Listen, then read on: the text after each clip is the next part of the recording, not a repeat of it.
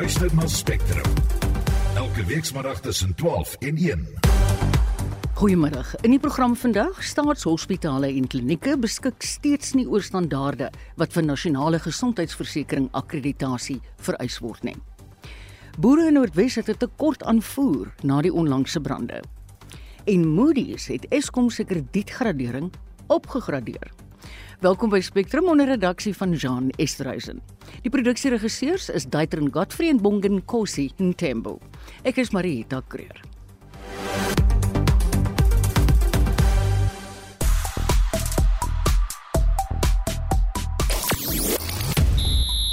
Die 2023 Rugby Wêreldbeker begin in Frankryk met 'n reuse kragmeting en die vroue Protea span se eendagreeks in en teen Pakistan begin in Karachi. Ek is Shaun Schuster vir RSG Sport. Op op X gons die hitsmerk Sassa waar mense hulle mening deel oor die agentskap van vir maatskaplike sekerheid wat 'n tegniese fout begaan het en nie begunstigde begunstigdes geld um, kon betaal nie. En dit het baie mense vir dae son, sonder geld gelaat. En op Facebook berig die Amerikaanse mediahuise oor die televisieaanbieder Jimmy Fallon wat op sy program om verskoning gevra het vir sy personeel nadat aan die lig gekom het dat die werksomstandighede ongesond is. En op Instagram berig mense dat hulle gaan saam sing na hulle die nuus ontvang het dat die musiekblyspel Mamma Mia na Suid-Afrikaanse teaters toe kom Dis 'n goeie een aan Monay. Ons wil graag van die luisteraars vandag weet. Die adjunkminister van maatskaplike ontwikkeling, Henrietta Bogopane Zulu, het tydens 'n bewusmakingsberaad oor fetale alkoholsindroom in KwaZulu-Natal gesê: "Swanger vroue wat alkohol gebruik, moet strafregtelik vervolg word." Ons wil graag hoor, wat is jou mening oor hierdie onderwerp? Stuur gerus vir ons 'n SMS na 45889 teen R50 per boodskap of praat saam op RSG se Facebookblad. Spectrum, jou middagnuusprogram op RSG. Welkom terug, dis 6 minute oor 12. Daar word gegis dat Eskom se dieselverbruik om krag op te wek grootendeels die dieselprys opgejaag het en dat Saudi-Arabië as 'n BRICS-lidland ons uit die stygende brandstofpryskrisis sal red. 'n Ekonomiese raadgewer vir die Optimum Beleggingsgroep, Dr. Rolof Botha, sluit nou by ons aan. Hallo Rolof. Goeiemôre julle. Steek daar enige waarheid daarin dat Eskom se dieselverbruik meer met die dieselprysverhoging te maak het as wat ons dink? Ek twyfel baie sterk. die diesel en petrolprys is geadministreerde pryse wat hoofsaaklik beïnvloed word deur die internasionale prys vir olie uit die aard van die saak die wisselkoers en natuurlik 'n baie groot hap wat na die staatskas toe gaan in die vorm van brandstof uh belasting wat moontlik verlaag uh, kan word as die regering net 'n bietjie meer soepelheid hmm. en beweeglikheid in sy ehm um, beleid rondom ehm um, die petrolprys gehad het. Uh, Byvoorbeeld om dit elke kwartaal te verander en nie elke maand. Ja. Dan kan hulle op en af bewegings van beide die olieprys en die wisselkoers kan hulle verdiskonteer want uh, dit is nie asof daar groot partytjie gehou word as die petrolprys bietjie daal nie. Maar ja. as hy styg dan dan is dit nogal traumaties. Dit is baie. Dink jy Saudi-Arabië sien dat dit nou 'n BRICS lidland geword het, kan vir ons help met goedkoper olie? Op papier ja, maar jy weet daardie land, net soos meeste lande in die wêreld en veral in die Midde-Ooste, dink net aan homself. Ja. Uit die aard van die saak uit. Ek meen hulle gaan so ver dat hulle bereid is om die die uitset van uh, olie te beperk om die prys op te jaag. Nou eh, verbeel jou dat ons eh, landbousektor besluit nee, hulle wil 'n uh, hoër prys hê vir vir beesvleis en vir mielies en hulle gaan nou minder produseer om dit in die hand te werk. Ek meen mm. dit is mos absoluut absurd. Maar dit is hoe die mense optree. Uh van daai beloftes gaan daar niks kom nie. Saudi-Arabië se enigste belangstelling om 'n lid van BRICS te geword het, is dat hy so klein bietjie internasionale publisiteit kry wat die aandag wegskuif van sy ongelooflike menseregte uh uh skendings wat in daardie land plaasvind. Mm. Ja, eintlik soos jy sê, hulle is al reeds so ontsettend vermoënd en nou wil hulle gaan hulle net ryker word. Ek kan onthou uh, toe ek klein was Rolof, toe ons in hierdie land raffinaderye gehad vir brandstof. Nou op die oomblik voer Suid-Afrika die diesel en die petrol in. Dit sal mos 'n wesentlike verskil maak as ons nog steeds raffinaderye gehad het. Ja, die die, die goeie nuus is daar is nog 'n paar wat wat werk. Daar's 'n paar wat nie werk nie weens uh uh, uh ongelukke wat daar gebeur het. Daar was 'n brand by die een gewees. Ek wil nou nie die maatskappye se name noem nie. Uh een van hulle oorweeg het om hulle raffinaderry te omskep in 'n in 'n terminaal en dis meer en dit is jammer want ons raffinaderry kapasiteit het geweldig gesak. Daar is daarom nou uh ek sê een maatskappy se naam noem, dis Sasol is ons eie maatskappy. Hmm. Uh Suid-Afrikaanse maatskappy. Ehm um, ek glo vas dat Sasol het die vermoë om in die toekoms baie baie meer ehm um, uh van steenkool na olie en na na uh, geraffineerde produkte te kan beweeg. Maar dan moet hulle ook 'n bietjie van 'n aansporing by die regering kry en daar die uiteindelik moet daar wegbeweeg word van die klem op transformasie na die klem op ekonomiese uitset, ontwikkeling en die behoud van vaardighede. Ek is bewus van 'n handvol mense wat nou al weer op pad is oor see uh wat by uh, van hierdie groot maatskappye werk, ek gaan hierdie keer nie name noem nie omdat daar net vir hulle gesê is weens jou veldleer uh, het jy nou die piek bereik. En hierdie is absurd in 'n land soos Suid-Afrika waar ons dringend moet werk skep vir vir uh, uh, jong mense in Suid-Afrika. En waar ons kundigheid nodig het. Ja presies dit help nie uh, ek weet dis een ding om om sement te meng maar dis 'n ander ding om jy weet uh, te beplan hoe om 'n raffinerie op die been te bring of uit te bou. Mm. Dit verg uh, ge geweldige hoë vlak vaardighede En natuurlik daar is daarom van hierdie vaardighede wat nou in 'n groter mate uh weer geskep word uh, by Soltech hierso in Pretoria by 'n fantastiese kampus. Dit is 'n belewenis. Uh, die luisteraars wat uh, vir hulle self 'n gunsel doen en 'n bietjie opkikker wil hê, kan gerus 'n plan maak om net daar te gaan kyk na daardie kampus Soltech. Rolof terug by Eskom. Die kredietgraderingsagentskap Moody's het Eskom se kredietgradering met twee kerwe opgegradeer en ons almal weet Op die oomblik sit ons met fase 6 beerdkrag. Hoe op aarde? Ja. Ja, kyk, die kredietgraderingsagentskappe uh steur hulle nie vreeslik baie aan ons beerdkrag nie alhoewel Moody's het dit genoem in 'n in 'n media verklaring, het hulle dit baie duidelik genoem. Maar uh, hulle kyk na die groter prentjie van uh, letterlik letterlik honderde miljarde rande se skuld. Ehm um, en hulle het ook 'n punt daarvan gemaak dat uh dit is asof hulle 'n vraag vra maar hoe is dit moontlik dat die uh, helfte van die munisipaliteite nie hulle Eskom skuld betaal nie hoe is dit moontlik hmm. uh, dit sal nie gebeur in 'n 'n westerse land nie in in Wes-Europa of in Amerika sal dit nie gebeur nie dit sal wel gebeur in lande soos Zimbabwe Venezuela en waarskynlik in Noord-Korea alhoewel mense weet nie wat daar aangaan En so ja, dis goeie nuus dat hulle dit nou opgradeer. Dit beteken dat Eskom kan so klein bietjie geld spaar op sy rente op sy skuld maar die die daardie skuldklas is maar net verskuif na nasionale tesourie. Mm. En nasionale tesourie uh vir nou uh Marietta is is die een staatsdepartement wat nooit gekaap is nie wat nooit blootgestel is aan staatskaping nie. Meneer Godongwana ons minister het dit baie duidelik gestel. Dit sal ook nie gebeur nie. En hy dit is, is goed om te weet nie. dat iemand het dit gesê. ja, nee, dit, dit is baie goeie nuus. Hy's uh hy's aan die kant van ekonomiese groei en ontwikkeling en vaardigheidsbehoud. Ja. Wel is ware enkele stemme in die woestyn, maar goed, baie dankie. Dit was Dr. Rolof Botha, 'n ekonomiese raadgewer vir die Optimum Beleggingsgroep. Die 28ste jaarlikse beraad van die Nasionale Ekonomiese Ontwikkelings- en Arbeidsraad, oftewel NETLAK, begin vandag in Johannesburg. Belanghebbendes sê hulle wil samewerking en kommunikasie tussen verskillende vennote versterk. Netlaak se doel is om 'n rol te speel in regeringsbeleid en ook regeringswetgewing en om seker te maak dat belanghebbendes kommentaar lewer op baie belangrike sosiale ekonomiese beleide. Is Netlaak se uitvoerende hoof Lisa Seftel. There's some issues on which we've collaborated well together and there's a lot of consensus about the way forward including the electricity crisis and the freight and logistic crisis. There are other issues For example, the issue of labour legislation or changes to labour legislation, the vision for the economy, where I think it is harder for social partners who come and represent different interests to collaborate and reach a common view. So sê Netlax se uitvoerende hoof Lisa Seftel. En ons praat nou met die SAK se verslaggewer wat die beraad bywoon, Naledi Nkobel. Hallo Naledi. Good afternoon. Uh thank you so much for having me. Netlac plays a very important role in bringing social partners together, especially in crisis when agreements need to be reached.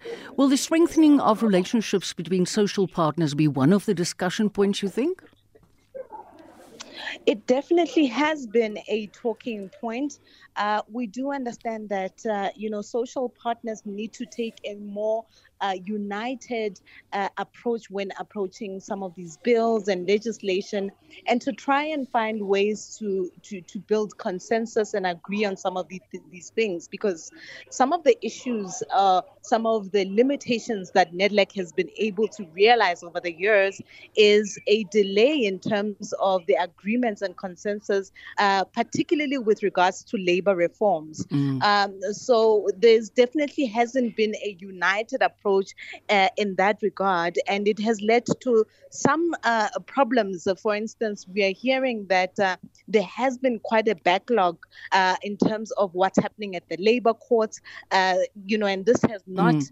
Uh, been to the to the benefit of workers. Workers have been the losers in this regard because you know there's a shortage of judges um, and uh, at the labor courts. And so this is something that's causing a backlog and problems uh, for workers who are trying to get some kind of intervention uh, from the labor mm, courts. Mm. So these are some of the issues. And, and another thing that was very important that was discussed is the issue of social compacting.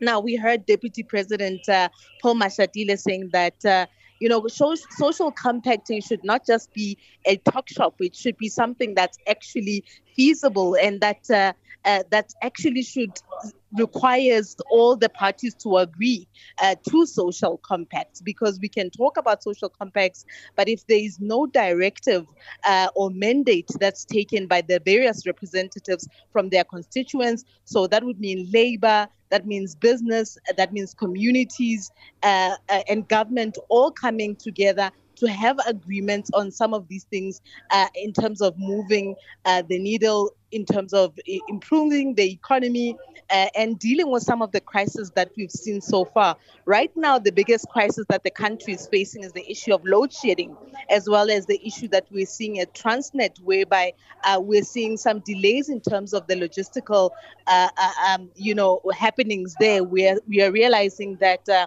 logistical constraints at Transnet are having a huge impact on the performance of the economy because you know there's a shortage of locomotives which means that uh, coal miners are not able uh, to move their, their to move their stock or to actually uh, see that trade happening. Yeah. Uh, and so, if there's a limitation on trade, that then it causes a problem for for uh, for the economy at large. Now, lady, thank you so much for your time and for speaking to us. Dit was die SAIK se verslaggewer wat op die oomblik die Netlak konferensie bywoon, Naledi Ngobo. Spectrum, jou middagnuusprogram op RSG. Waar dit nou op die oomblik 18 minute oor 12 is en ek is seker dis dieselfde tyd by jou. Bykans 500 000 hektaar weiveld in Noordwes is sedert April afgebrand. 'n Gebiede soos Pilansberg woed groot brande nou al 3 dae lank. Ons praat hieroor met die voorsitter van die Noordwes Sambreel Brandbeskermingsvereniging, Erik Stog. Hallo Erik. Goeiemiddag, hoe gaan dit? Nee, ek het vermoed dit gaan hier by ons bietjie beter as daar by julle. Dit klink my julle het julle hande vol. Ja, dit is so en ons is baie moeg en ons lywe seer, Ach, maar ons het 'n fantastiese span. Waar brand dit nou nog en hoeveel is daar wat op die oomblik aktief is? Op die oomblik, ehm um, ek het nou net opgetrek op die rekenaar, het ons 'n paar klein brande op omtrent 2/3 van die weste kant van die provinsie. Met ander woorde so van Kolini se kant af tot by die Noord-Kaap grens. Mm. Daar's 'n klomp klein kolletjies, maar die brandbestrydingsvereniging of brandbeskermingsvereniging mense is uit, sowel as die plaaslike boere en die plaaslike gemeenskappe. So daar's nie regtig groot kommer op hierdie stadium aan daai kant nie.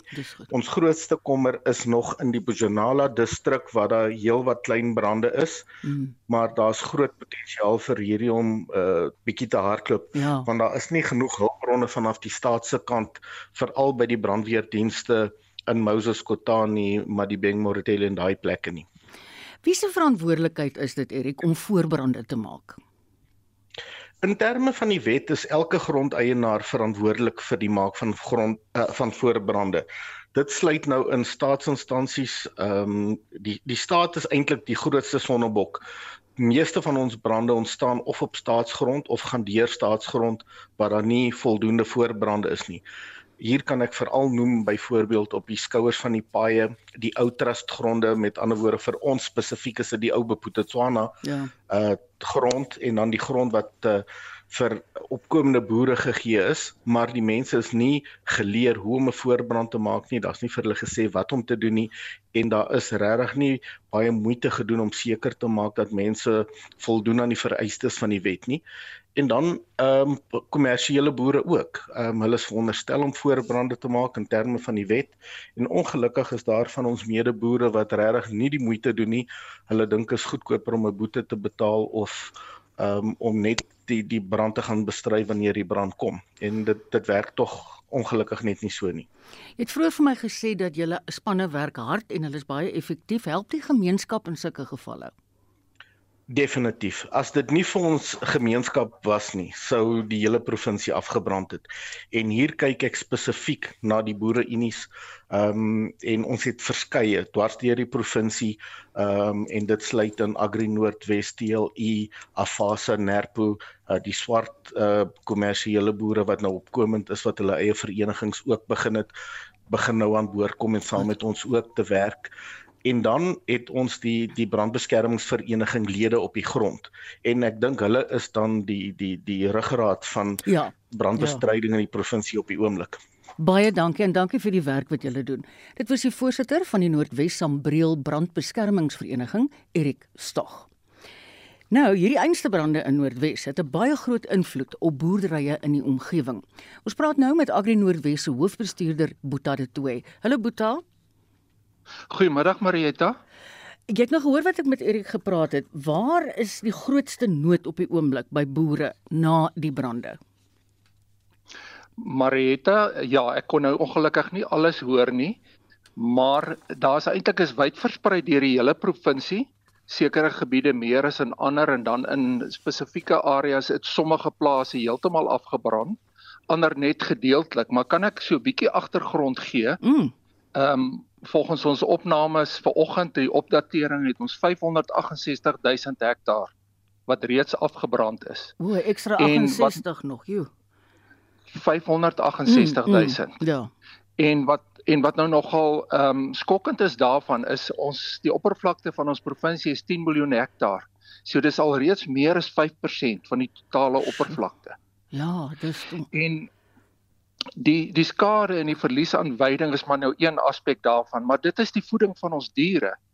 En dit het 'n geweldige impak op produksiekoste van boere, nie nou in die kort termyn nie, maar ook in die langer termyn.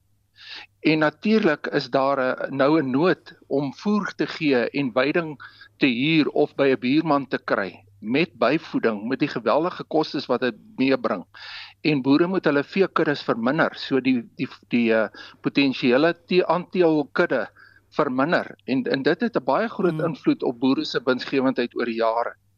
Uh om nou nie eers te praat van die infrastruktuur in die heininge, die pompe, die waterleidings, ja. voertuie, store. En ongelukkig kan 'n mens nie veral vir al daai goed kan jy nie versekerings uitneem nie of dis nie koste-effektief vir 'n ja. boer nie. Mm. En dan wat baie baie sleg is is die is die etlike honderde skape en beeste mm. wat nou reeds doodgebrand is. Dis verskriklik. En van kant gemaak moet word. Ai boet, ja, ek dink dit breek 'n boer se hart.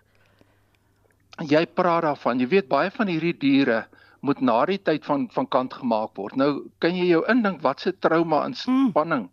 skep dit vir 'n boer om te sien hoe sy beeste gebrand het of hoe hulle brand terwyl hy dit moet aanskou. Nou die eerste prioriteit van 'n boer is om sy vee na veiligheid te bring, maar dis nie altyd moontlik nie. En hy sien dit en kan jy jou indink nee. die diere waarvoor hy so lief is ja. dat hy dit moet aanskou. Dis verskriklik. So die dit dit is verskriklik en uh, iemand wat wat nou in 'n in 'n dorp of 'n stad bly, stel jou voor jou huis brand af. Dan kan jy jou dalk indink mm. hoe boer, boer moet voel as sy hele plaas afbrand sy diere so ehm um, so so ja. Moet daar baie so, op die oomblik baie woeste wind by julle? Nee, nee, nee, nie op nie op die oomblik nie. OK, jy was besig om te sê wat het julle nodig? Ja, nee, kan ek net sê, jy weet die brandseisoen is nog baie lank al nie oor nie. Mm -mm. En ons het 'n 'n voorspelde droogte op hande. Dit kan baie lank duur voor ons goeie reëns kry. Ons boere sê altyd dit reën nie gras nie. Dit neem ten minste 2 ja, ja. jaar. dit neem ten minste 2 jaar om jou veiding baie verstandig te bestuur voordat jy regtig weer daai veld behoorlik kan benut. Mm. Ons het baie dringend hulp nodig met voerskenkings en veral finansiële bydraes om uh voer en uh, voerprodukte te vervoer. En uh enige iemand wat dit wat dit kan bekostig oor die hart uh, kry om by te dra is, is sal die enige skenking hoe klein ook al sal geweldig baie waardeer word want al die al die klein bydraes maak naderhand 'n aansienlike som wat regtig 'n verskil kan maak om die nood te verlig.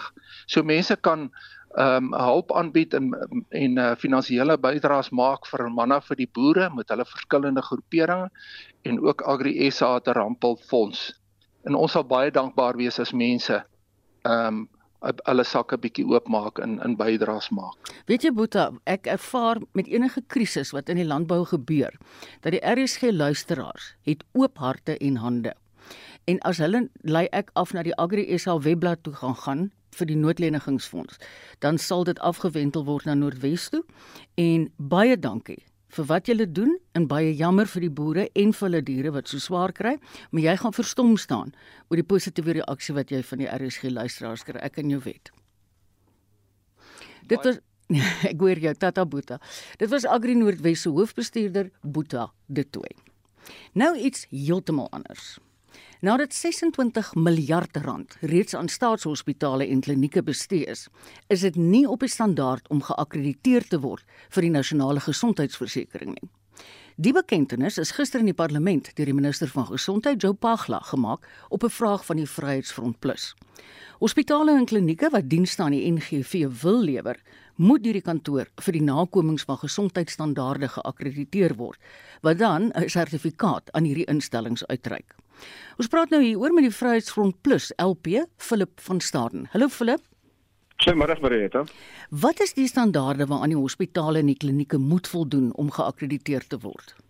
Dan ja, sê ons weet hospitale en klinieke moet oor baie hoë standaarde aan voldoen in terme daarvan dat om dit met menselewens te werk van elke dag en dit moet 'n skoon en veilige omgewing wees. Ons sien tans in staatshospitale en ek ervaar dit self want ek besoek baie van hierdie instansies of vir die afgelope 4 jaar dat die hospitale in terme die as ek 'n voorbeeld kan gebruik die Dorpen Regency Hospitaal in die Oos-Kaap wat ek ook nou al besoek het het ek in 'n vergadering met die LER daar van die Oos-Kaap op stadium gesê hierdie hospitaal moet toegemaak word want hy is nie geskik vir menslike gebruik nie. So tans ons hospitale en klinieke se infrastrukture val heeltemal uitmekaar uit in die openbare sektor. Dit is in een groot gemors. Dit stink dit is vuil dit is ontoeganklik vir vir mense. Dis ja. regtig 'n 'n nare prentjie om te aanskou. En as jy nog nie self self by staatshospitaal was die Marita of as jy nog self daar opgeneem was as 'n pasiënt nie, dan gaan jy nie prentjie verstaan nie, maar totdat jy daar is, ja. dan sal jy sien wat 'n gruwelike goed wag eintlik vir jou om te gebeur. Nou waaraan Philip is daai 26 miljard rand spandeer? Ja, die minister se antwoord aan my was dat die 26 miljard rand is in die NGV fonds uh, ingestort. Uh, het sy dit deur 'n direkte of 'n indirekte toelaat of 'n toekenning sedert 2012 en dit was veronderstel gewees om te gebruik te word om die infrastruktuurprobleme ja. uit te wis. Om die aanstelling van van van dokters en verpleegsters uh, uh, wat tans 'n groot tekort uit te wis en om agterstallige mediese prosedures uit te wis. Al daai tipe van goed, maar dit blyk vir ons tans of van die Vryheidsfront Plus se kant, dan ek dink as jy gewone publiek wat ook daagliks van die hospitale gebruik maak sal sê maar waar is die geld heen? Want ja. ons sien dit nie. Ja. Die goed word nie verbeter nie. Jy weet, so dit is regtig 'n groot probleem om ons sit op op die, op die stadium. Het Pagla enige aanduiding gegee oor hoeveel hulle beplan om nou nog aan infrastruktuur te spandeer by hospitale? Nee, wat maar dit is is snaaks in die afgelope 4 jaar wat ons die nasionale gesondheidsversekering wetsontwerp hanteer het in die portefeulje komitee sedert 2019. Het ons as Vryheidsfront Plus en ander oppositiepartylede herhaaldelik gevra, waar is jou finansieringsmodel in terme van die nasionale gesondheidsversekering? Ons kon nooit so so so 'n model kry. Die minister van finansies kon tot vandag nog nie aankondig hoeveel presies die nasionale gesondheidsversekering gaan kort nie. En daarom dat ek sê dat hierdie geld eintlik in 'n bodelose put op hierdie stadium ingestort, want ons weet nie waar hy gaan die geld nie om te bepaal hoeveel nou nog, hoeveel miljarde nou nog wat gebruik kan word vir die aankoop van mediese toerusting om om dienslewering op te skerp in hospitale om die infrastruktuur op op stand net op standaard te bring. Ja. En om die groot tekorte van dokters en verpleegsters aan te vul, weet ons nou nog nie hoeveel miljarde vir daai geld voor vir dit kon gebruik het, gaan hulle nog verder in in 'n fonds afgestel word wat op die einde van die dag dalk nie eens op die wetboeke geplaas gaan gaan word moontlik nie, want daar is baie hofsaake in die kommentaar van van hierdie ehm um, wetgewing ja. wat hulle op die boeke wil plaas, jy weet. Want dit klink vir my as ek so na jou luister Philip, asof dit in die waarheid so is dat die staatsige gesondheidsdienste so ver van gereed is dat daai NGV miskien glad nie gaan gebeur nie. Hy's glad nie gereed nie. Die openbare gesondheidsorg is glad nie gereed nie, maar met die NGV wil hulle nou basies op die private gesondheidsorg so 'n parasiet paratiseer ja. daarop. En ons ons waarsku daarteen.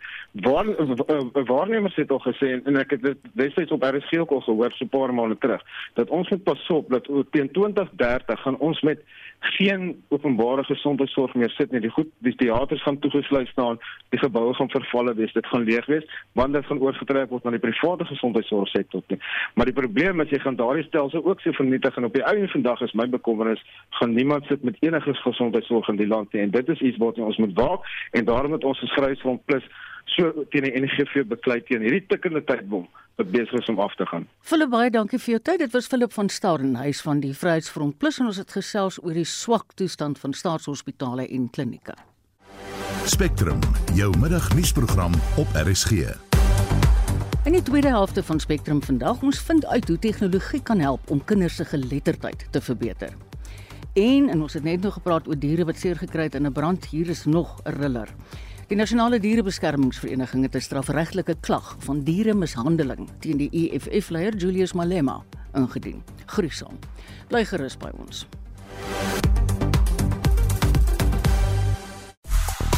En ons wou vroeër by jou weet of jy saam met die adjunkminister van maatskaplike ontwikkeling, Hendrietta Bogopane Zulu, saamstem dat swanger vroue wat alkohol gebruik, strafregtelik vervolg moet word. Kobus sê, wie gaan die swanger vrou wat so alkohol drink polisieer? Die regering kan nie eens skoolkinders wat alkohol drink in tavernes polisieer nie. Dion Venter sê hy en sy eksvrou het twee babas aangeneem, min wetend dat al twee voorgeboorte geboorte alkoholverslawend was. Sulke ouers moet gestraf word, sê Dion. En 'n luisteraar sê ek stem beslis saam met die minister. Ek werk daagliks met kinders en swanger moeders wie se lewens deur alkoholmisbruik verwoes is. En Kobus RW sê die regering se uitsprake raak net by die dag al hoe meer belaglik. Hulle kan nie eers tieners se drankgebruik hanteer nie. Nou ja, dis sportnuus tyd. En Shaun Justus lei by ons aan. Hallo Shaun. Middag Marita. Die rugby wêreldbeker skop einde ten laaste in Frankryk af. Ons is almal so bly, né? Ja, nee, beslis en in die openingswedstryd met die gasheere vanaand kwart oor 9 op Stade Francais in Parys teen die All Blacks kragte. Dit is die 8ste wêreldbeker kragmeting tussen die twee spanne. Met Nieu-Seeland wat 5 gewen en slegs 2 verloor het. Nou Frankryk het 20 van hulle laaste 22 wedstryde, dit sluit ook hulle laaste 14 tuiswedstryde in gewen.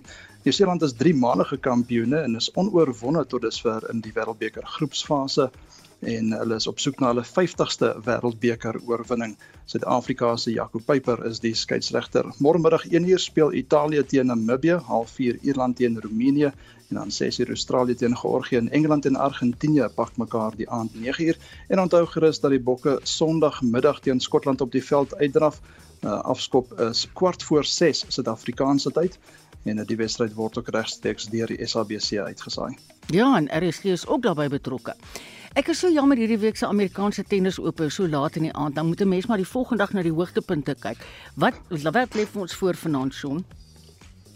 Die halfeindronde in die mans afdeling word vanaand en môreoggend beslis. Die nommer 2 van Servië, Novak Djokovic, stap vanaand teen die omgekeerde Amerikaner Ben Shelton op die baan uit en die uh, nommer 1 Carlos Alcaraz van Spanje het môreoggend 'n reuse kragmeting teen die wêreldnommer 3 Daniel Medvedev van Rusland. Die wenners pak mekaar Sondag in die eindstryd en die wêreldnommer 2 Aryna Sabalenka van Belarus kom môre aand in die eindstryd van die vroue afdeling teen die 60 gekeerde Amerikaner Coco Gauff te staan. Ja, Coco maak dan verskriklik opslaa, dis goed. Nou, die Proteas is op die cricketveld in aksie. Vertel my wat gaan aan. Daar Suid-Afrika is daar in Pakistan. Hulle speel in Karachi. Nou hulle het die T20 reeks met 3-0 verloor en wil yes. sake graag regstel in die reeks van 3 eendag wedstryde. Nou Suid-Afrika het die lood gewen en gekies om eers te kolf. Daardie wedstryd het so 5 minute terug begin. Nou ons sit hom hier in dophou in die ateljee, maar ek moet sê ek was so geskok oor daai oor hy T20 man, dit was hom swak. Ja nee, dit was uh, nie baie baie goeie vertoning deur Suid-Afrika nie, maar ook die dames het dan 'n bietjie lanklaas cricket gespeel. So ek dink uh, dit behoort beter te gaan in in hierdie dag. So, ek hoop regtig so. Op kol het ek kon weg te kyk van die skerm op so skaam is ek. Baie dankie Shaun, geniet jou naweek wat so vol sport is. Dis Shaun Jooste van RSG Sport. Jy luister na Spectrum op RSG.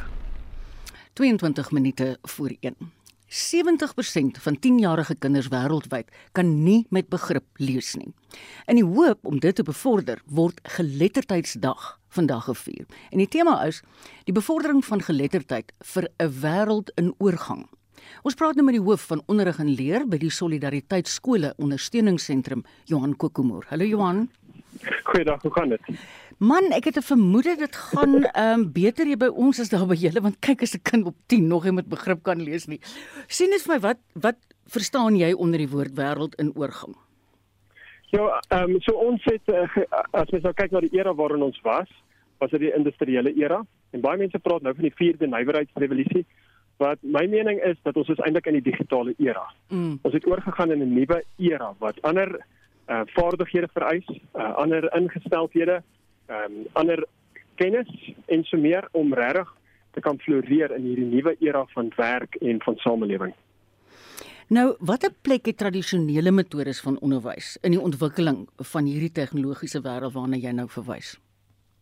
Ja, kyk, baie mense dink dat ehm um, die tradisionele praktyke het nie 'n plek in die in die toekoms nie. En ek, ek dink dis waar ons dalk die pot mis het. Ehm um, ons kan baie gaan leer by die antieke Grieke en so meer, maar die groot ding is die wat hulle tradisioneel gepraat het in die klassieke onderwys van grammatika, logika en retoriek. Ehm um, en die krag wat dit het, die krag wat dit het van 'n kind om kennis te versamel, te verwerk en weer te gee. Ehm um, gaan eintlik eers kan ontsluit word wanneer ons in 'n in 'n omgewing is wat ons dan al hierdie gereedskap het soos kunsmatige intelligensie, soos die internet ensovoorts. Maar as jy nie daai tradisionele onderbou het nie, as jy nie gesyferd kundig is nie, as jy nie geletterd is en wyd belese is nie, gaan die krag van kunsmatige intelligensie nooit tot jou bereik wees nie. Ja, dis waar, né? Hoe kan nou die geletterdheidsvaardighede meer aanloklik maak vir kinders om te leer deur gebruik te maak dan nou van die tegnologie? Veral as jy sê hulle kan op 10 jaar nog nie met begrip lees nie. Ja, kyk, die groot ding veral in ons skole is ehm uh, eers ons prestasiegedrewenheid wat nogal teen dit werk, want 'n kind kry nooit 'n punt op sy rapport vir hoeveel boeke hy gelees het nie. Ehm um, die manier wat ons die kinders meet van op die einde van die dag bepaal hoe hulle gaan optree en wat hulle is belangrik ag. So ons kan al hierdie goedjies doen om te sê hoe belangrik dit is, maar as op as ons op die einde van die dag nie 'n sistematiese verskil gemaak en begin na die volronde kind kyk wanneer ons 'n kind assesseer en meet, mm. dan gaan daar in praktyk niks verander nie. Baie dankie Johan. Dit is Johan Kokemoer die hoof van onderrig en leer by die Solidariteit skole ondersteuningsentrum. Ja, ek het vroeër hierna verwys as 'n baie aardige storie, maar as daar kinders is of sensitiewe mense asseblief moet dan nie nou luister nie, moet gaan hier oor diere wat seer gemaak word. Die Nasionale Dierebeskermingsvereniging ondersoek 'n strafregtelike klag teen die EFF-leier Julius Malema vir dieremishandeling.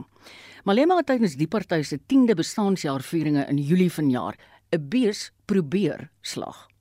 Beeldmateriaal van die voorval word op talle sosiale media platforms versprei. Ons praat nou met Grace De Lange, 'n senior inspekteur en eenheidsbestuurder by die Dierebeskermingsvereniging se plaasdier afdeling. Good afternoon, Grace. Good afternoon. How are you? You know, when I do stories like this, I'm never well, but thank you for asking. When and how was the SPCA made aware of this incident? So it, it, was sometime in July that we um, actually started getting uh, calls and being sent this actual video that was, was circulating. And to say that we were horrified by what we saw um, is, is, is, an understatement. Yes. It's um, you know just the, the the way that the animal you can see that the animal is suffering and, and it's just not necessary. I must admit, I asked the colleagues here never to show me the, the visual because I will not be able to handle it. Have you received many complaints from the public? Yes, we when we initially started getting, I think to date it's well over 100 complaints that we have received. Um, you know, and you, you know, in cultural slaughter, it's something that happens a lot, whether it be cultural or religious slaughter. It is something that happens um, in terms of that an animal will be slaughtered, but um, you still have to work in terms of what the law says, and it still has to be done as humane as possible. And if you take this in, instance where the knife was used to stab this, this animal 11 times, and over oh, Ach, 60 nee. instances where they were twisting the knife into the fully conscious animal's pole, Yeah. that's not acceptable. No, absolutely, Grace. But surely there are regulations for slaughtering practices in a humane way. Well, you've got the, you've got the Meat Safety Act, and then obviously the one that we work with is the Animals Protection Act. Um, so it's, it's a critical piece of legislation that is basically has been put together to protect all all animals from unnecessary pain, suffering, or cruelty. Yes, I must say. Um, can the SPCA and your inspectors not being used during slaughtering rituals as a standby to ensure that humane slaughtering is practiced? So there, there's many incidences where people do contact us and say, "Look, we're going to slaughter a bull for a wedding or whatever, whatever case." So a lot of times we are approached, and we do go out into the communities and try and educate. You know, whether it be us at the national SPCA or local societies, do go out a lot and educate. However, funding to be able to get everywhere is extremely difficult when you have so many cases, you know, from all around. But we do we do try our best with education. And also, as I said, sometimes we are also asked for help. Well, you know, on the one hand, I'm very glad because there is an advantage if there is visual material because then, then they have a case. How is an SPCA investigation typically done and when is the case handed to the police? So basically, once we get a complaint or we investigate a complaint, we will look at all the facts and have a look and speak to our legal team and say, is there a reasonable chance of, you know, prosecution or not always approaching the legal team, but you know when it when it becomes a, different sort of situation. Um, so what we will do is we will put together all our affidavits. We will put together all the, the evidence. So in other words, a video or footage. So we basically put together the whole docket and give it over to the South African Police Station or services, who will then um, you know um, give it to one of their officers to investigate. And then basically the only job that the investigator has in most cases is to get the affidavit from the accused. Mm. Yes, because you do actually the large part of the the job. Grace, yes. thanks to people like you and your organisation.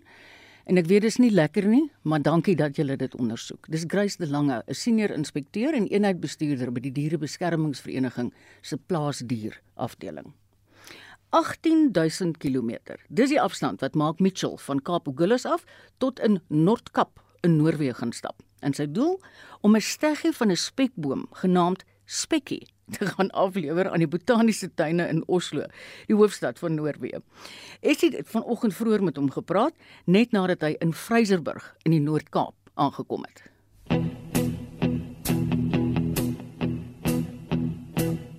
Sover het Maak, 'n fietstoergids en skrynwerker van Wolvengat in die Wes-Kaap, reeds 593 km gestap sedert hy 21 dae gelede in Kaap Ogallas begin stof opskop het.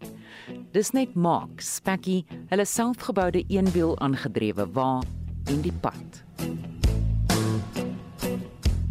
Die kaart is 'n manier om nie 'n rugsak op jou rug te dra nie. Jy kan verwag dat ek daar binne genoeg klere het om warm te bly, asook dan vir warm weer ook, dan ook 'n kampstofie en genoeg kos vir die aantal dae wat ek buite dorpe of winkels is. In hierdie uitgestrekte droë vlaktes sal ek moet kyk na om ten minste 5 liter water te dra. Ek kan sê ek is 'n perd, maar ek ek stoot, ek trek nie. Sy staptog sal hom neem vanaf die suidste punt in die suidelike halfrond tot die noordelikste punt in die noordelike halfrond. Vanaf Suid-Afrika gaan hy stap na Zambië, Kenia, Sudan, Egipte, Irak, Rusland en dan na Noorwe. Ek aanvanklik beplan 3 jaar vanaf die begin af, maar dit's my duidelik dat dit nou gaan tot miskien sover as 4 jaar, want ou stap nie so vinnig as wat jy dink nie en jy moet afvat. Die liggaam hou dit net nie uit nie. Jy kan nie dag na dag daai tempo hanteer nie en ek probeer om ongeveer 30 km. Dit hang af na omstandighede of daar doelwit is. As daar 'n lekker plek is waar ek kan slaap in die aand, dan sal ek druk tot so 40 'n dag.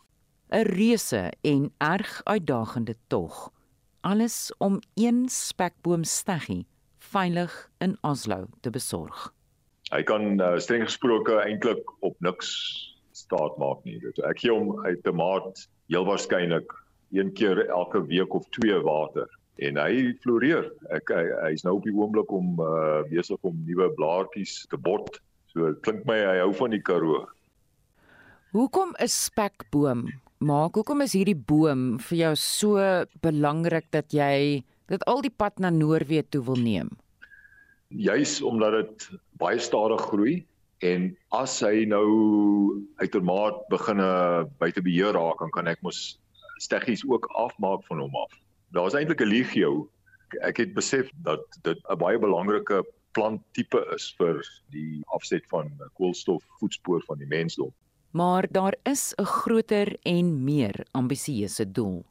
Nommer 1 om bewusmaking vir die aangeleentheid van klimaatsverwarming te probeer bewerkstellig deur die publisiteit van so 'n staptog en daarmee saam dan om mense te probeer aanhits om die ongesonde maniere wat ons het om die natuur te verwoes eerder stop te sit en eerder te kyk daarna hoe kan ek as 'n persoon terugbetaal. Met ander woorde my eie koolstofvoetspoor beredder Hy sal hom ook daarop toespits om mense aan te moedig om meer as 7 miljard bome, struike en plante aan te plant.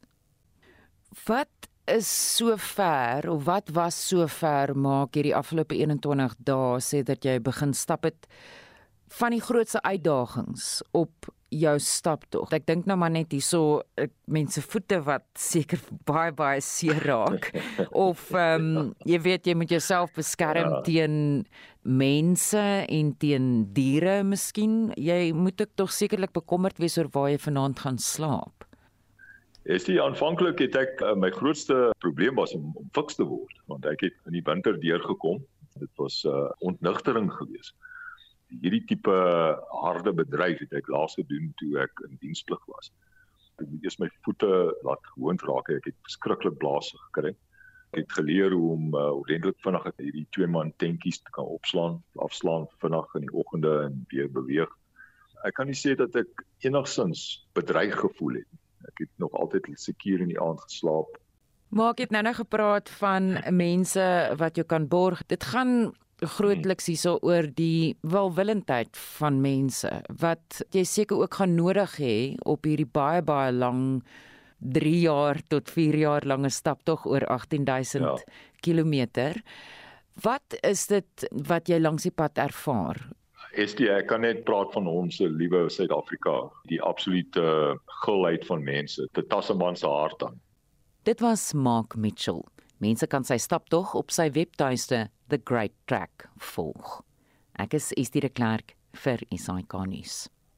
Kyk, ek hoef nie hierdie goed te sê nie, ons beleef hulle elke dag almal. Beurtkrag, brandstofprys en die verhoogde lewenskoste.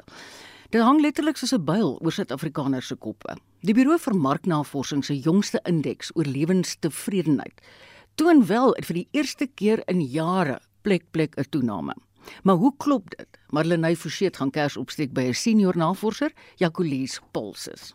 Mense is regtig besig om sekere hanteringsmeganismes te gryp, interne en eksterne meganismes om net hulle gevoel van lewenstevredenheid te verbeter. As jy na die oorhoofse syfers kyk, is daar nog steeds 'n afname in lewenstevredenheid, maar as jy na die gedetailleerde, meer kleiner gedetailleerde syfers gaan kyk, dan sien ons wel dat daar sekere lewensdomeine waarin mense meer positief voel en dat hulle vir ons gesê het dat hulle 'n betere gevoel van emosionele welstand het. Mense wat deelgeneem het aan die studie, blyk gemoedsrus te vind in die tydelike Mense wil nie meer langtermynkontrakte aangaan nie. Verhoudinge hou nie meer nie. Mense skei baie maklik. Ons sien dit in die werksgebied. Mense is baie vinnig om eintlik hulle werk te bedank, selfs ten spyte daarvan dat daar nie baie werksgeleenthede is nie. So alles is baie tydelik. Verbruikers en regeringsvertroue het afgeneem. Ons meet dit op 'n indeks skaal uit 'n punt van 100 en ons kry daar net 'n 'n punt van 36.7.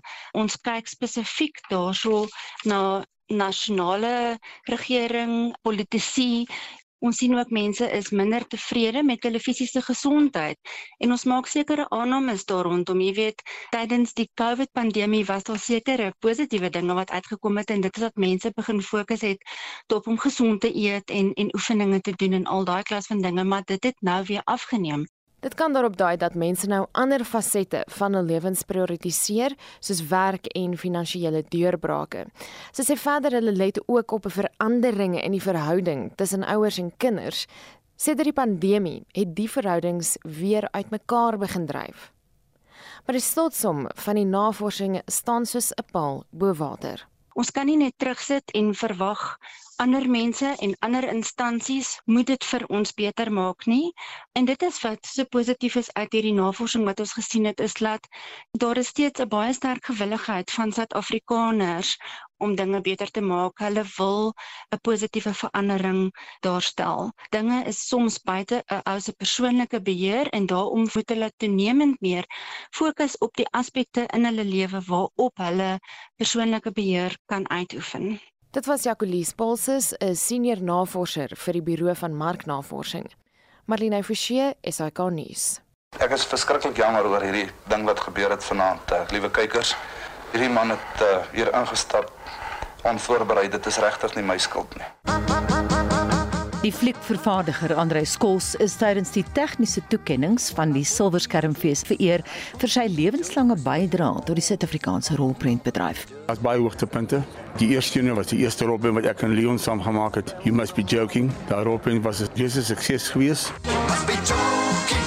Naweek aktueel elke Saterdagmiddag tussen 12 en 1. Net 'n grappie want ons is besig om 'n fliek te maak. You must be joking en in daai twee bokse en daar's Lekker noot om op af te sluit, man. Ons het nog eers hier vir Estie in die ateljee, maar sy het vir ons al die dinge dopgehou wat vandag gebeur het.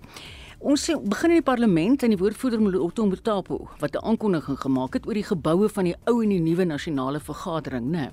En dis reeds 19 maande Marita sedert 'n brand in die parlement groot verwoesting gesaai het en Mtapo sê die proses van die herbouing aan die geboue sal in Februarie volgende jaar begin, maar konstruksiewerk het reeds begin om rommel van die twee beskadigde geboue te verwyder. At the same time that this work is taking place, there is a team also of uh, assessors who are assessing the stability of uh, some of the structures inside to determine whether they should be demolished uh, or they should be maintained as part of uh, the preparation for the construction of uh, the National Assembly.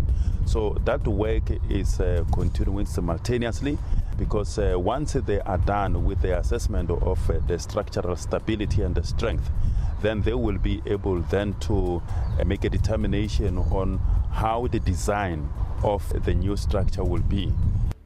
En ons bly by nuus oor brande. In Pinetown in Durban word twee werknemers van 'n kitskosrestaurant vir rookinasemming in die hotel uh, hotel in die hospitaal behandel en dit nadat die gebou waarin die restaurant geleë is aan die brand geslaan het. En soos wat ons vroeër in Spectrum berig het, word Netlek se 28ste jaarlikse beraad in Johannesburg gehou. Adjunk president Paul Mashatile sê daar is ruimte dat maatskaplike vennote van Netlek beter kan saamwerk. We have sought to follow an example of social democratic countries elsewhere that agreed, for example, to trade off wage increases for job stability. However, in South Africa, where unemployment is so high and those who work support many of those who do not, this type of trade off may be difficult to attain. The most pressing challenge appears to be one about ideological positioning among the social partners in respect of the path to growth. En in internasionale nuus het owerhede in Indië bevestig Indië se eerste minister Narendra Modi sal die naweek tydens die G20-beraad in Delhi samesprekings voer met 15 wêreldleiers. En dit sal gesprekke met die VS se president Joe Biden en Brittanje se eerste minister Rishi Sunak insluit. Groot dele van die middestad in Delhi is afgesper, berig die BBC se Samira Hussain. The streets are absolutely quiet. Normally, this area would be jam packed with cars, people commuting. This is central Delhi. It's a main thoroughfare. There would be honking everywhere, but it's incredible to see the streets just so quiet. Now, Delhi has been preparing for this for several months.